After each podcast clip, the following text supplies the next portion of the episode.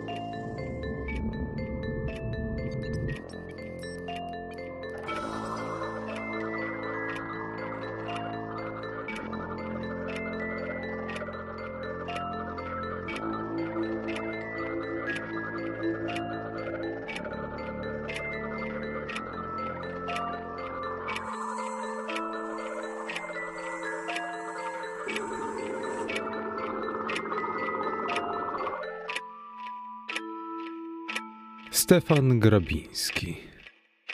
Zes. Przyplątał się do mnie, nie wiem jak i kiedy. Nazywał się Brzechwa, Józef Brzechwa. Co za imię. Coś w nim zaczepia, zahacza, drażni nerwy chropawym dźwiękiem. Był zezowaty. Szczególnie przykro spoglądał prawym okiem, które wyzierało skalistym spojrzeniem spod rudych rzęs. Mała, szpetna twarz, pokryta ceglastym rumieńcem, krzywiła się wiecznie w uśmieszkach, złośliwej półironii, jakby mszcząc się w ten nędzny sposób za własną brzydotę i plugawość.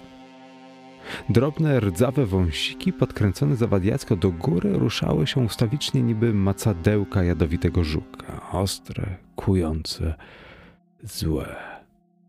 Ohydny człowiek. Zwinny był. Elastyczny jak piłka, postaci nikłej wzrostu średniego. Chodził krokiem lekkim, nieuchwytnym, umiał wślizgiwać się nagle jak kot. Nie cierpiałem go od pierwszego wejrzenia. Jego odrażający wygląd przejmował mnie nieopisanym wstrętem, każąc domyślać się odpowiadającego mu charakteru. Człowiek ten krańcowo różnił się ode mnie usposobieniem, upodobaniami, rodzajem reagowania na podniety. Dlatego stanowił dla mnie uosobienie antypatii. Był moją żyjącą antytezą, z którą by mnie nic na świecie pojednać nie mogło. Może właśnie dlatego przypił się do mnie z wściekłą zapamiętałością, jakby odczuwając moją ku niemu żywiołową niechęć. Prawdopodobnie doznawał szczególnej rozkoszy, widząc jak bezskutecznie usiłuję wydobyć się z sieci, którymi mnie oplątywał coraz zwarciej. Był mym nieodstępnym towarzyszem w kawiarni, na przechadzkach w klubie. Umiał wkręcić się w koła mych najbliższych znajomych, co więcej, zdobyć przychylność kobiet, z którymi mnie łączyły żywsze stosunki. Wiedział o każdym mym najdrobniejszym projekcie, najlżejszym ruchu.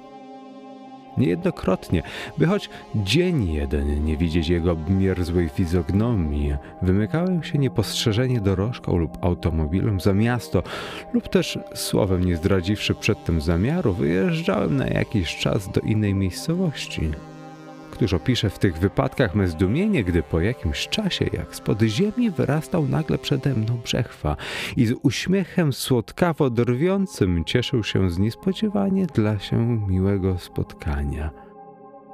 Doszło wreszcie do tego, że począłem przed nim uczuwać pewien rodzaj zabobonnego strachu i uważać go za swego złego ducha czy demona. Jego ruchy, kocie, drażniące, filuterne przymykanie oczu, zwłaszcza zaś ów skalisty, zimno połyskujący białkami zez, ścinały mi krew niepojętą grozą, budząc równocześnie wściekłość bez granic. A wiedział wybornie, jak najłatwiej przyprowadzić mnie do pasji. Umiał zawsze dotknąć mej najczulszej struny. Raz podpatrzywszy mu upodobania, wybadawszy poglądy i zasady, przy każdej sposobności wygłaszał z brutalną ironią wprost im przeciwne w sposób tak bezwzględnie arbitralny, że zdawał się wykluczać wszelką opozycję. Jednym takim punktem spornym, zasadniczo nas różniącym, była kwestia indywidualizmu, której zawsze broniłem z namiętnym zapamiętaniem. W ogóle mam wrażenie, że dookoła tej właśnie osi obracał się cały nasz antagonizm. Byłem zagorzałym wielbicielem wszystkiego, co osobiste, oryginalne, jedyne w sobie zamknięte.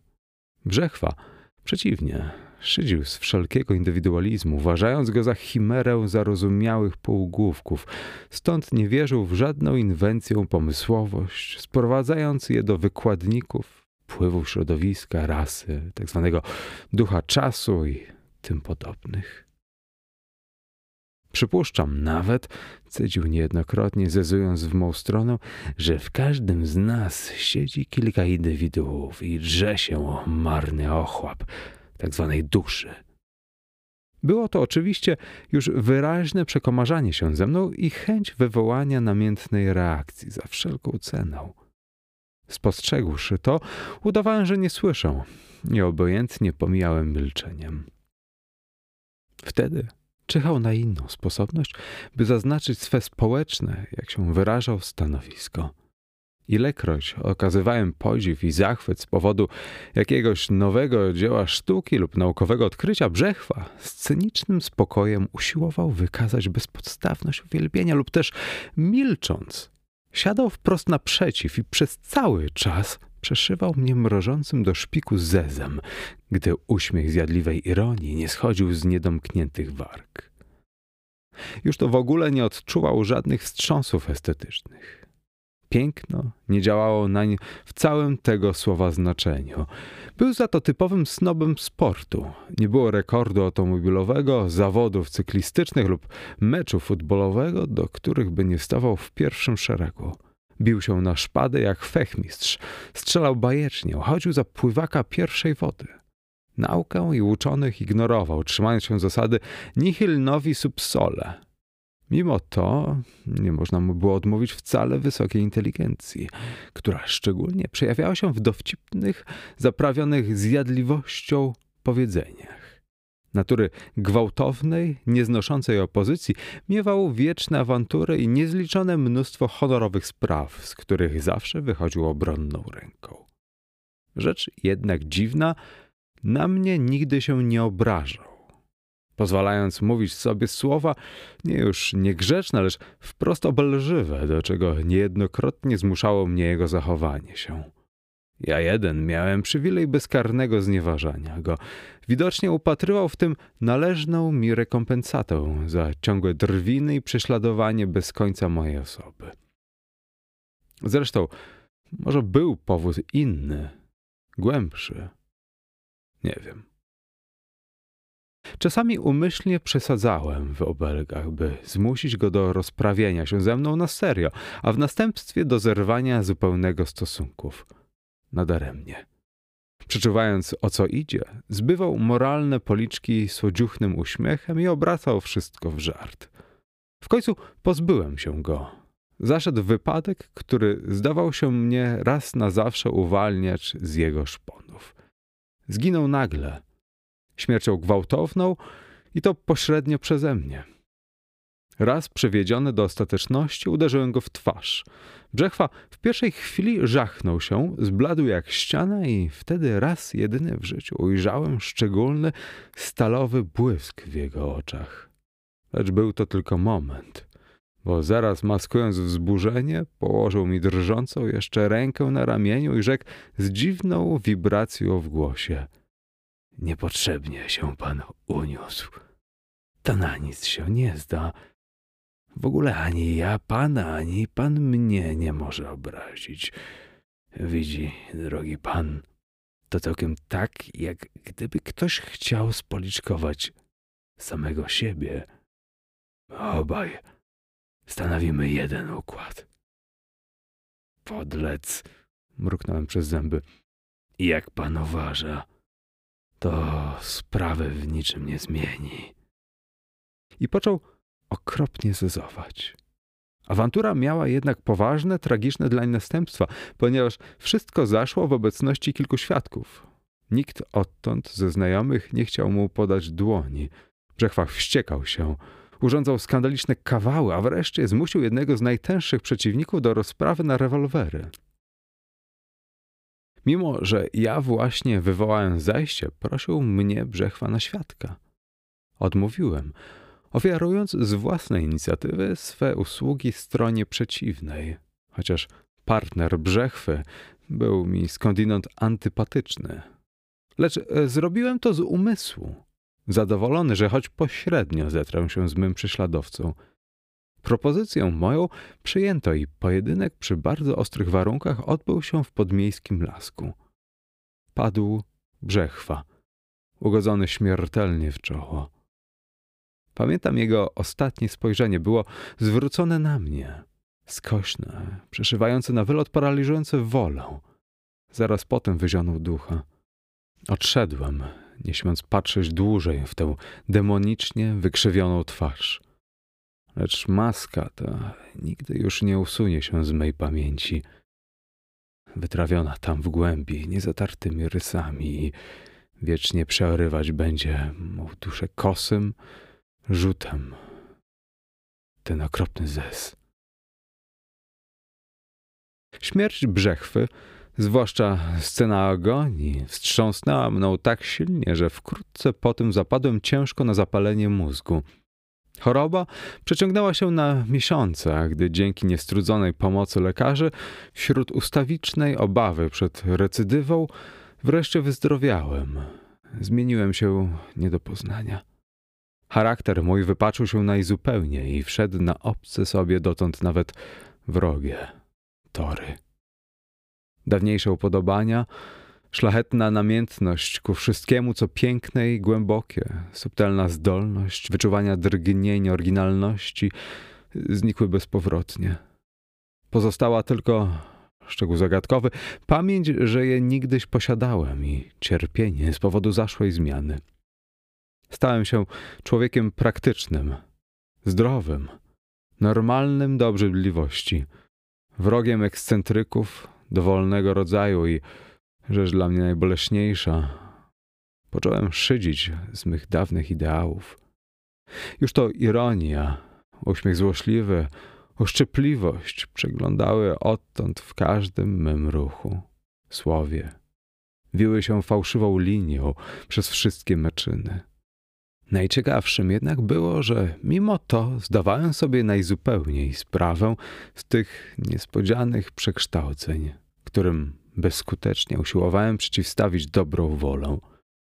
Stąd wszczęła się we mnie zajadła walka dwóch zasadniczych motywów, dwóch naczelnych nastrojów, o których współistności byłem najgłębiej przekonany. Lecz zawsze brał górę ten nowy, przybylczy, co się wczołgał we mnie, nie wiadomo jakim sposobem i z wewnętrznym wstrętem słuchałem zawsze jego podszeptów. Były to jakby teoria i praktyka. W teorii pozostałem tym samym, co dawniej i z oburzeniem śledziłem postępki tamtego drugiego, który, jak złodziej, wkradł się w najgłębsze metajnie i wyrzucał nagromadzony w nich dobytek, zastępując go mierzwą. I nie mógłbym tego nazwać znanym powszechnie rozdwojeniem osobowości, gdyż zachodziła tu sprawa całkiem inna, którą trudno było przewidzieć, wydedukować na podstawie pierwszej połowy mego życia. Czułem, że tu nie można mówić o jakimś rozdwajaniu się, tu raczej zaszło zdwojenie, jakaś przeklęta przymieszka, wnęcił się jakiś intrus. Nosiłem go w sobie, ustawicznie kalecząc się tą ohydną współbytnością, bezsilny, zrozpaczony, świadomością zmiany, której usunąć nie mogłem. Każdy mój czyn wzbudzał we mnie wewnętrzną opozycję.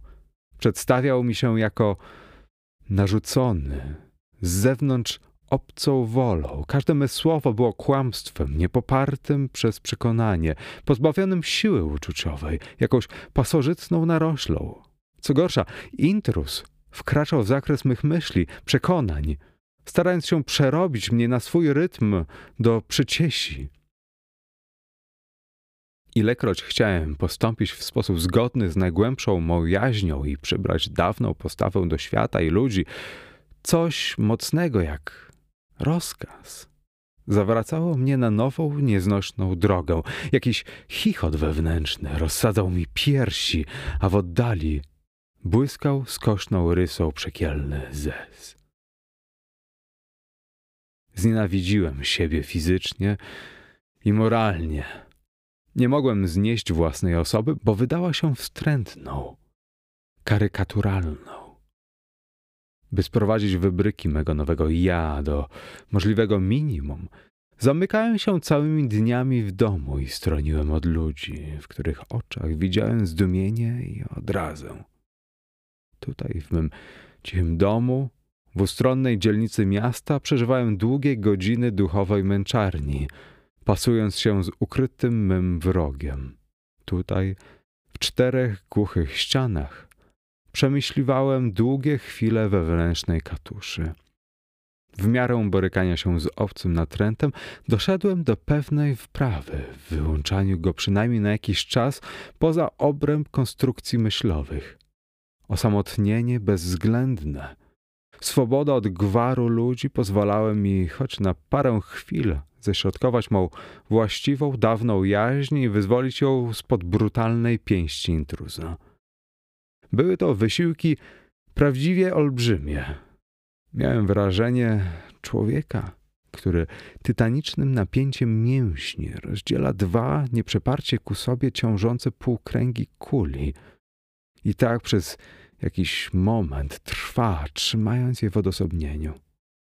Wtedy, korzystając z chwili, Rzucałem się do pisania i zapełniałem całe rękopisy myślami, które mrzały we mnie od dawna, lecz nie mogły uzewnętrznić się, zduszone gwałtem przez tamtego. Pisałem jak szalony, z zapartym tchem, wodząc ręką po papierze, by wypowiedzieć, co myślą i czują, by zaznaczyć przez idealną widownią świata, że jestem innym, niż się za godzinę, za minutę wydam. Lecz wściekły wysiłek nie trwał długo. Wystarczył krzyk życia z ulicy, wejście sługi do pokoju lub twarz przechodnia, a napięte nerwy rwały się jak postronki, wyprążone muskuły pękały z głuchym trzaskiem i uparte półkule zwierały się w całość krągłą, jednolitą, zamkniętą bez wyjścia. Na ustach wykwitał uśmiech. Ohydny, cyniczny uśmiech i łkając z bólu, Rwałem w kawały rękopis, deptałem zapisane kartki, niszczyłem całe arkusze. I znów wracałem w świat pomiędzy ludzi, haniebnie zmienionym szydercą bez czci i wiary. Człowiekiem niskich pragnień i od nowa trzeba było długich wysiłków myśli, odsuwania się od środowiska ludzkiego, bezwzględnej samotności, by choć na chwilę parę izolować się od nalotów znienawidzonej istoty i wykluczyć ją poza nawias mej duszy. Lecz w miarę ponawiania owych doświadczeń dochodziłem do coraz bardziej pocieszających wyników. Coraz dłużej udawało mi się utrzymywać siebie w rozłączeniu z obcym przybyszem. Coraz wyraźniej w przeciągu tych krótkich chwil czułem swą odrębność i oczyszczałem się z pasożytniczych napływów. Potem wracało wprawdzie wszystko do dawnego stanu, lecz pamięć osiągniętych na jakiś czas wyzwolin zachęcała do nowych prób. W końcu. Byłem dawnym sobą, już przez parę godzin, które wyzyskiwałem możliwie najpożyteczniej, spiesząc się, zanim mój wróg powróci. Ciągła uwaga i pilnowanie się na każdym kroku, konieczne przy tej psychicznej elektrolizie zdwojonego ja, nożyły mnie tylko niepomiernie, pozostawiając po sobie ślady w formie zdenerwowania i gwałtownych bólów głowy. Mimo to, zdobywszy słabą nadzieję odzyskania siebie, nie szczędziłem trudu i marzyłem już o tym, by móc bezkarnie we własnej osobie zjawić się w towarzystwie ludzi. Pewnego razu, po dłuższym pobycie na świecie, zamknąłem się znów we wiadomym celu i podjąłem żmudne dzieło wyosobniania się, ponieważ Skutek wprawy tym razem szło łatwiej i niebawem znalazłem się w swoistej atmosferze własnego indywiduum. Zacząłem zwracać uwagę na bezpośrednie fizyczne otoczenie, by przez tę pierwszą próbę przyzwyczaić się do utrzymywania na wocy swej osobowości i wobec stokroć silniejszej dystrakcji zewnętrznej, jaką stanowili dla mnie ludzie. Gdy tak zwolna odbiegałem uwagą od siebie, i w półroztargnieniu błądziłem oczyma po pokoju, nagle zdało mi się, że za ścianą po lewej stronie słyszę jakiś szmer. Zaciekawiony, zacząłem nasłuchiwać, lecz to skierowało mnie zbyt silnie na zewnątrz, powodując fatalne zlanie się dopiero co wyodrębnionych elementów i znów przestałem być sobą. Zrozpaczony, klołem podejrzany szmer, który zresztą mógł być tylko złudzeniem mych rozigranych przez napięcie nerwowe zmysłów.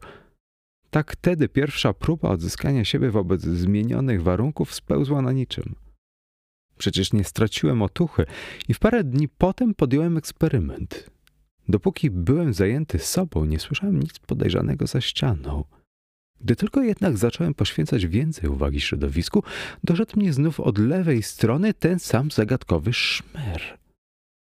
Chociaż wiedziałem doskonale, że przez to utracę siebie, wracając do obmierzłej podwójności, mimo to wychyliłem się natychmiast przez okno i spojrzałem w lewo w nadziei, że wykryję przyczynę szczególnego odgłosu. Dom, w którym mieszkałem, był parterowy i składał się z trzech partii – Zajmowałem samo skrzydło, także poza mną z lewej strony nie było już żadnych pokoi, ściana wychodziła na mały ogródek otoczony parkanem. W tej chwili nie było w nim nikogo, jak zresztą zwykle w ogóle na moją stronę nikt nigdy nie zachodził, szanując cudza granica i dyskretnie unikając linii mych okien. Zaniepokojony cofnąłem głowę do wnętrza – Przyszło mi na myśl, czy przypadkiem zagadkowe szemranie nie towarzyszyło już dawniej procesowi oczyszczania jaźni. Prawdopodobnie jednak zajęte intensywną pracą wewnętrzną i zrzutowywaniem jej na papier, nie zauważyłem przez czas jakiś tego, co się wkoło mnie działo. Dopiero odsunięcie się na pewien dystans od świeżo skrystalizowanej osobowości i zwrot ku otoczeniu pozwoliły na percepcję tajemniczych dźwięków. Niezupełnie przekonany o przyczynowej zależności tego fenomenu od usiłowań duchowej emancypacji, wreszcie musiałem przystać na to, że jakiś związek zachodzi, bo szmer odzywał się tylko wtedy, ilekroć zdołałem zrzucić z siebie nienawistne pęta. Niejednokrotnie będąc w zwykłym, zdwojonym stanie, nadsłuchiwałem, czy z tamtej strony głos mnie jaki nie dojdzie, lecz bezskutecznie – Ściana nie przepuszczała wtedy najlżejszego drgnienia. Czasami myślałem, że ulegam złudzeniu akustycznemu i że szmer w istocie rzeczy dochodzi od ściany po prawej, poza którą mieszkał zresztą jakiś cichy i wiecznie milczący kawaler. Lecz i ten domysł upadł po sumiennym zestawieniu dźwięków. Więc szemrało coś tylko za ścianą po lewej, za ścianą, która zamykała dom i sąsiadowała z pustką. To przecież dziwne. Po pewnym czasie, gdy odgłosy nie ustawały, począłem dokładniej badać ścianę z lewej strony. Niebawem doszedłem do przekonania, że musi być wewnątrz wydrążona i pod wpływem moich uderzeń dudniła głucho.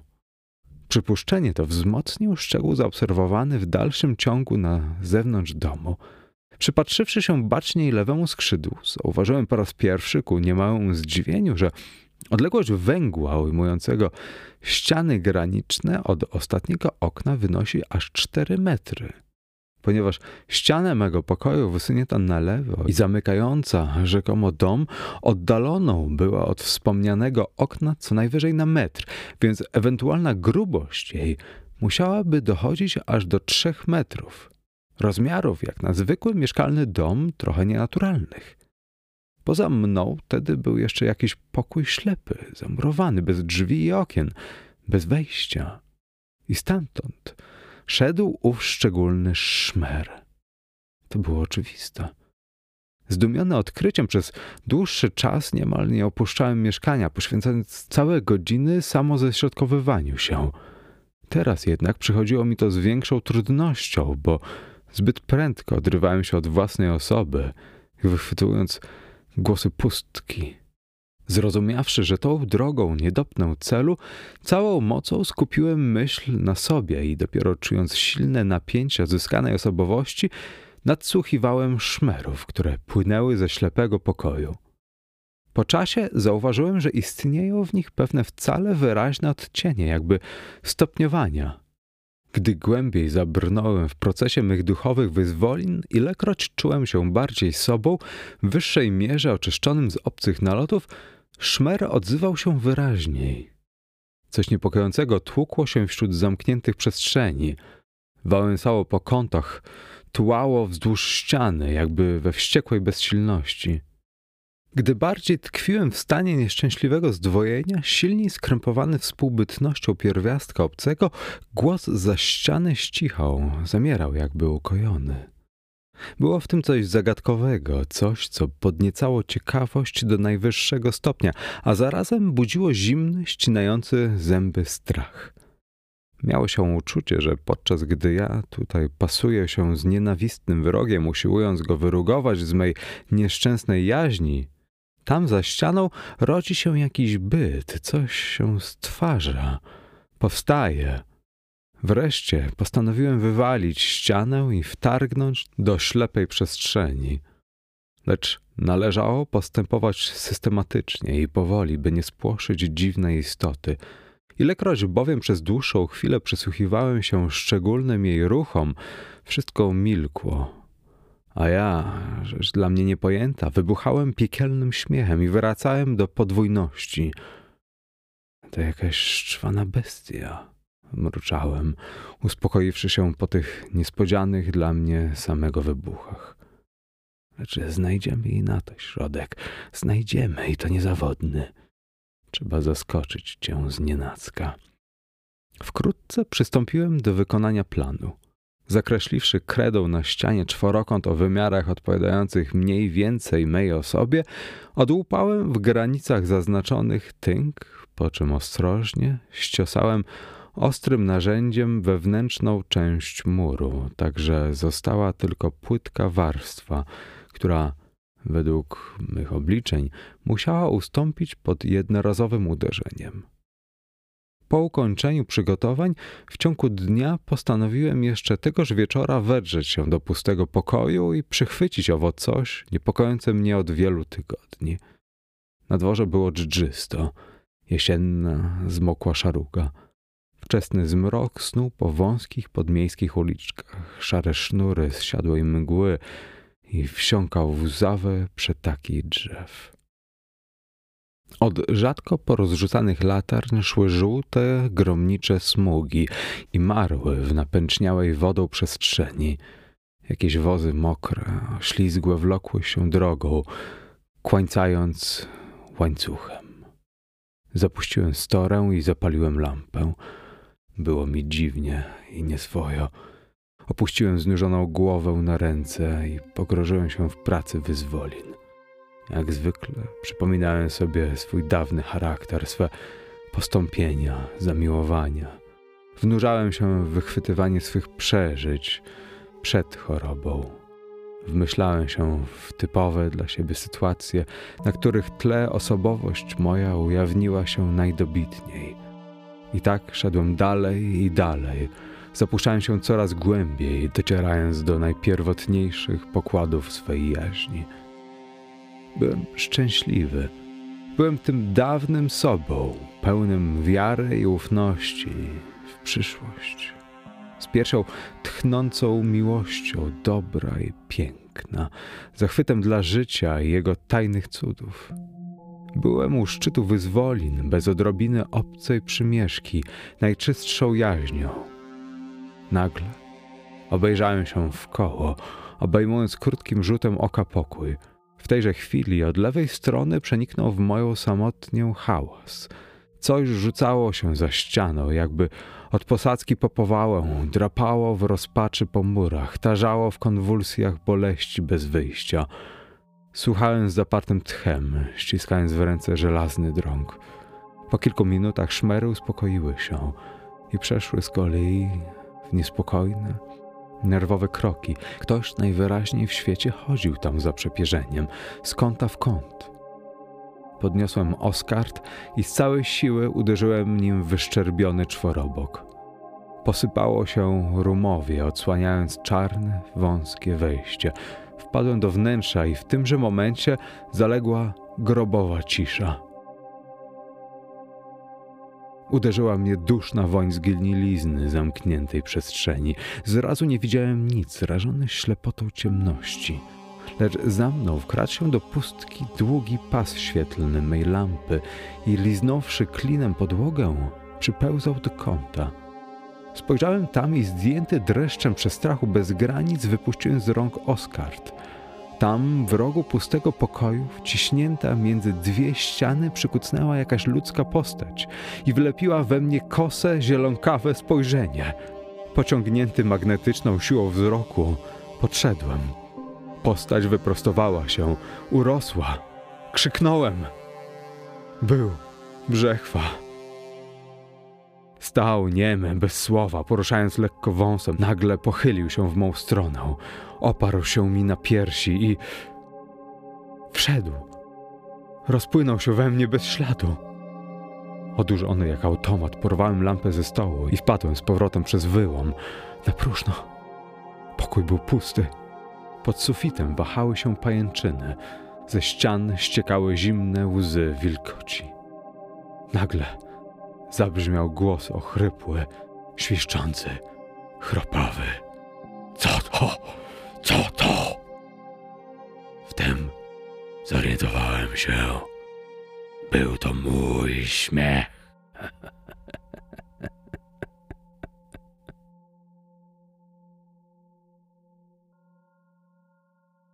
Muzyka Błażej Lindner, Jacek Brzezowski czytał Jacek Brzezowski. Cześć, tu Jacek. Jeśli spodobało Ci się Tchnienie Grozy i lubisz historię oraz gry fabularne, a może chcesz się nimi zainteresować, to zapraszam Ciebie na swój drugi podcast 6, 10, 12. Pisane osobno cyframi jako 6, odstęp 10, odstęp 12 do znalezienia na YouTube oraz Spotify, a także innych platformach. Zapraszam serdecznie do słuchania.